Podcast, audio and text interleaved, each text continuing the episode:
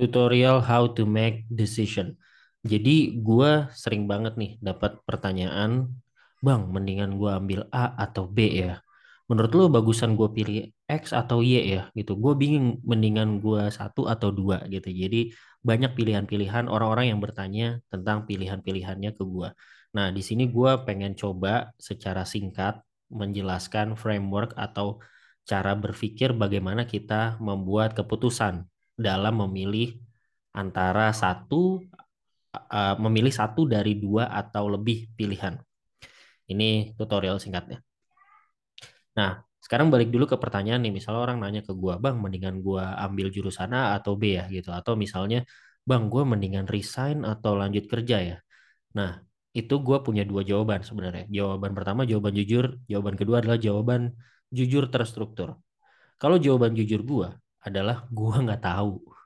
Kalau ada orang nanya sama gue, bang, mendingan gue ambil A atau B, mendingan X atau Y dan seterusnya, gue jawaban jujur gue adalah gue nggak tahu. Kenapa? Karena gue nggak kenal lu secara dalam, gue nggak tahu lu, gue nggak tahu hidup lu, gue nggak tahu background uh, hidup lu, gue nggak tahu apa yang lagi terjadi dalam hidup lu, gue nggak tahu apa yang sedang lu alami, pilihan antara dua tadi, apa pendapat lu tentang itu, gue nggak tahu gitu, sehingga ya gue nggak bisa jawab sebenarnya kalau lo nanya ke gue ataupun lo nanya ke orang lain orang lain nggak bisa jawab nggak tahu jawaban paling jujur adalah nggak tahu. Karena sebenarnya yang paling tahu ya diri lo sendiri gitu. Lo yang paling kenal sama diri lo sendiri. Sehingga kalau ada sebuah lo bingung mengambil sebuah keputusan sebenarnya orang yang paling tahu jawabannya adalah diri lo sendiri. Nah harusnya karena lo yang paling tahu hidup lo, lo yang paling tahu tentang diri lo sendiri, harusnya keputusan itu datangnya dari lo. Cuma yang gue sering alami atau yang gue sering tahu adalah ya kita kadang-kadang takut untuk mengambil keputusan atau nggak mau repot untuk menganalisa antara dua pilihan sehingga kita membebankan itu dalam tanda kutip ke orang lain. Kita pengen pengen dapat quick answer aja deh jawaban cepat aja deh nanya aja ke orang lain gitu yang menurut kita kita percaya. Padahal jawabannya belum tentu sesuai dengan diri kita. Nah makanya sebenarnya bahaya kalau lu mau mengambil sebuah keputusan penting dalam hidup lu tapi lu e, nanya ke orang lain. Eh, dibandingkan dengan lu nanya ke dalam diri lu sendiri. Nah, makanya di tutorial ini gue pengen ngajakin lu untuk justru lu ngobrol sama diri lu sendiri, lu menganalisa sendiri gimana sih caranya atau apa sih antara dua pilihan ini, apa yang penting buat gue dan gimana gue mengambil keputusan antara dua pilihan ini gitu ya. Itu jawaban jujur. Nah, jawaban jujur terstruktur ini baru kita masuk ke bahasan ya gimana caranya adalah dengan cara lu melakukan diskusi dengan diri lu sendiri gimana caranya lo diskusi dengan diri lo sendiri dengan metode ilmiah. Nah, gue cukup yakin kalau lo dengerin ini, lo pasti minimal sekolah lah gitu ya. Uh, sekolah dan pernah belajar tentang metode ilmiah. Kalau lo kuliah apalagi uh, di mana metode ilmiah itu sangat bisa kita gunakan untuk mengambil keputusan antara dua atau lebih pilihan.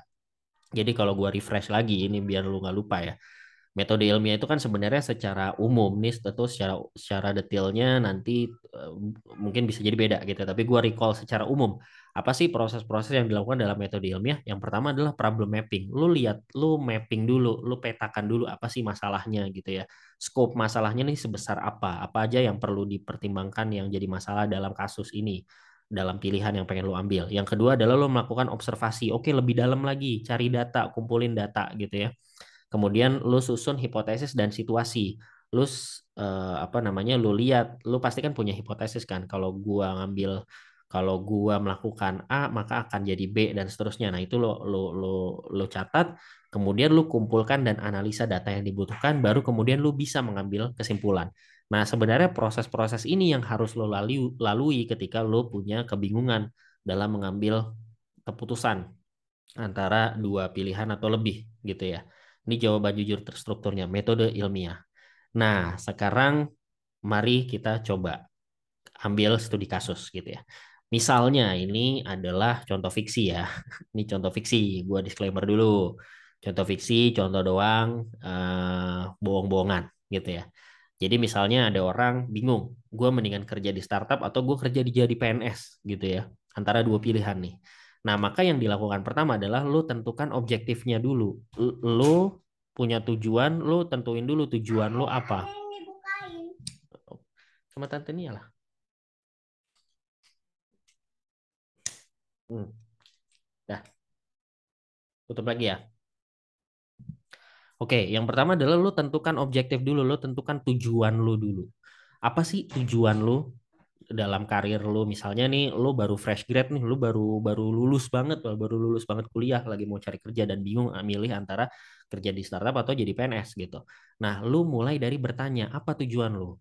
Tujuan tujuan lu apa saat ini? Apa yang jadi prioritas hidup lu saat ini? Apa value yang penting dalam hidup lu?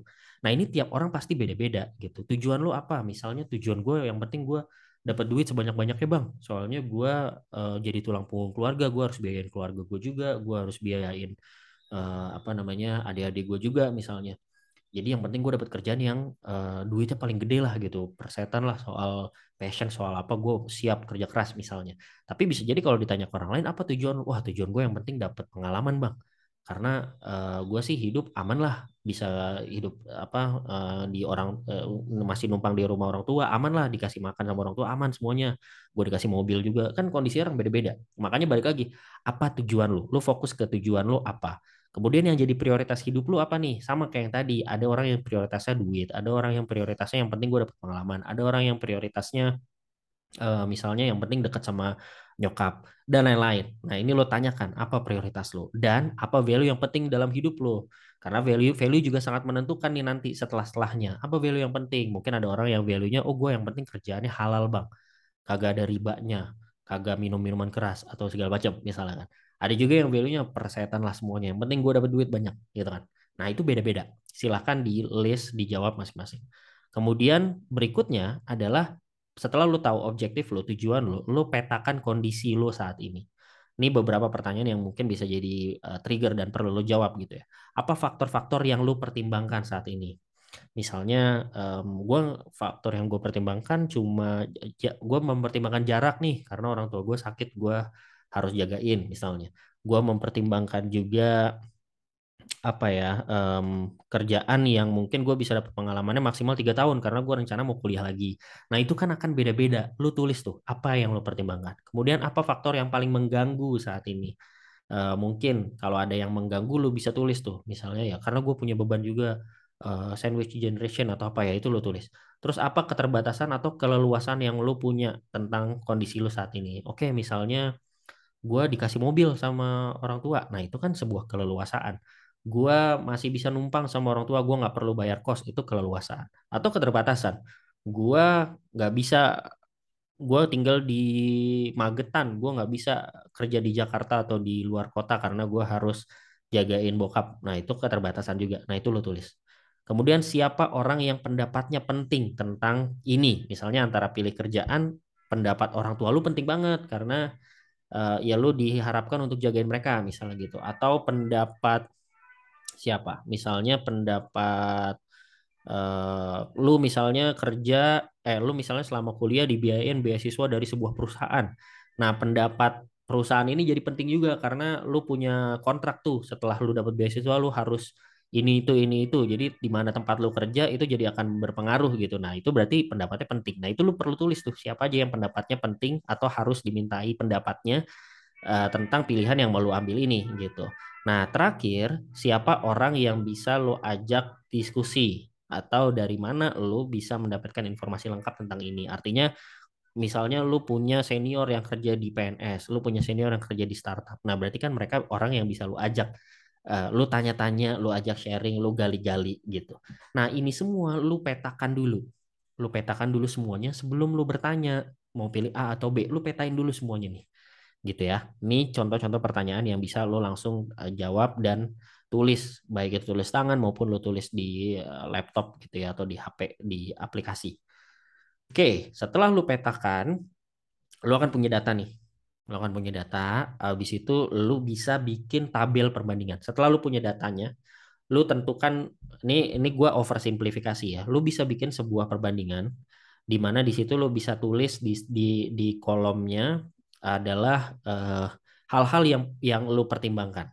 Sementara di sebelah, ini gue lupa mulu nih antara kolom sama ini ya, kolom sama row. Tapi intinya lu di atas kan misalnya di sini kalau lu lihat ada kerja di startup, kerja jadi PNS. Nah sebelah kirinya itu hal-hal yang dipertimbangkan. Misalnya gaji, lokasi kerja, uh, pride-nya, terus jenjang karirnya, sesuai agama atau enggak jam kerja. Nah ini misalnya contoh ya, ini fiksi. Ini contoh misalnya tabel perbandingan di mana gue tulis, oke kalau gaji tuh kerja di startup lebih tinggi 10 juta, kerja PNS 7 juta. Tapi lokasi kerja sama nih, dua-duanya sama. Jadi mungkin lokasi kerja nggak terlalu berpengaruh lah. Eh, Nggak ada yang lebih bagus, nggak ada yang lebih jelek. Terus kalau pride, kerja di startup tuh gue bisa bangga di tongkrongan. Tapi kalau kerja PNS, orang tua gue bangga. Gue bisa bagian orang tua gitu kan misalnya. Terus jenjang karir. Kalau kerja di startup tergantung growth company. Kalau company-nya lanjut terus, grow terus, gue bisa naik. Tapi kalau misalnya enggak, bangkrut ya gue juga kelar gitu kan. Uh, kalau kerja di PNS tiap tiga tahun aman, pasti naik jabatan misalnya. Terus kalau karena gue misalnya orangnya sangat religius, gue harus sesuai agama nih, value yang penting buat gue agama. Kalau kerja di startup nih yang uh, yang gue uh, dapat tawaran ini atau yang gue lagi bisa explore ini yang di fintech nih, tapi riba-riba nih kayaknya nggak cocok nih, uh, nggak bisa nih gue kalau riba-riba gitu. Tapi kalau kerja PNS halal jelas gitu kan.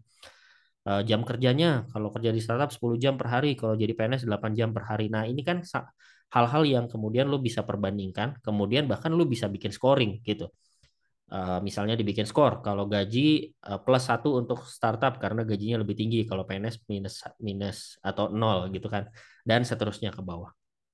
Nah, lu bisa bandingin uh, dengan faktor-faktor yang memang sesuai dengan kebutuhan lu, sesuai dengan prioritas lu, sesuai dengan value lu tadi. Kalau kita recall itu yang di poin paling pertama ketika lu menentukan tujuan dan objektif.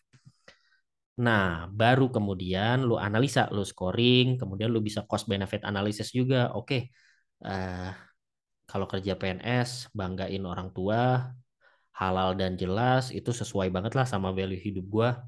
Kalau masalah naik jabatannya tiap tiga tahun, ya menurut gua nggak masalah lah. Gua nggak ngejar-ngejar jabatan amat misalnya. Uh, terus kerja 8 jam per hari, uh, ya oke okay lah gitu kan misalnya. Ya udah, akhirnya gue pilih PNS aja gitu. Nah, itu yang atau ataupun misalnya ada hal yang nggak nggak menyenangkan, misalnya uh, ini PNS nih, eh startup misalnya ini contoh ya, startup nih poinnya plus semua kecuali hmm, apa misalnya uh, jenjang karir tergantung growth company. Nah, berarti oke okay, jenjang karir gue nggak pasti. Uh, itu mungkin jadinya cost kan, jadinya uh, kekurangan gitu ya tapi kayaknya kalau dipikir-pikir mungkin berarti kalaupun emang gue nggak naik-naik di company ini, gue harus cari company lain. Berarti kalau gue ngambil keputusan ini, maka gue harus pastikan selama gue bekerja gue juga networking gitu kan. Gue juga harus punya kenalan di perusahaan-perusahaan lain supaya kalau emang misalnya gue nggak naik-naik, ya gue bisa pindah ke perusahaan lain gitu kan. Nah, itu yang bisa lo lakukan. Sehingga nanti setelah lo scoring, setelah lo lakukan analisis, setelah lo lihat kalau pro kontranya gimana, kalau misalnya skenario A terjadi, tidak terjadi skenario B-nya kayak gimana, dan seterusnya, lo bisa mengambil keputusan. Baru terakhir lo ambil kesimpulan. Kalau dengan scoring tadi, maka gue akan ambil kerja jadi PNS. gitu kan. Nah, kurang lebih gitu caranya untuk lo, kalau lo bingung antara pilih A atau B, dan kemungkinan kalau lo dengerin sampai sini ya karena gua refer lo, lo nanya ke gua via DM dan gua akan refer lo untuk uh, ke video ini atau ke podcast ini gitu ya dan lo dengerin dan lo bisa praktekkan. Seperti itu teman-teman, good luck. Mudah-mudahan uh, bermanfaat, bisa dipraktekkan dan mudah-mudahan lo bisa mengambil keputusan yang paling sesuai dengan kebutuhan, sesuai dengan uh, keinginan dan sesuai dengan value-value uh, yang lo pegang dalam hidup lo. Terima kasih. Sampai jumpa di episode berikutnya. Thank you. Bagaimana ini stopnya? Saya stop.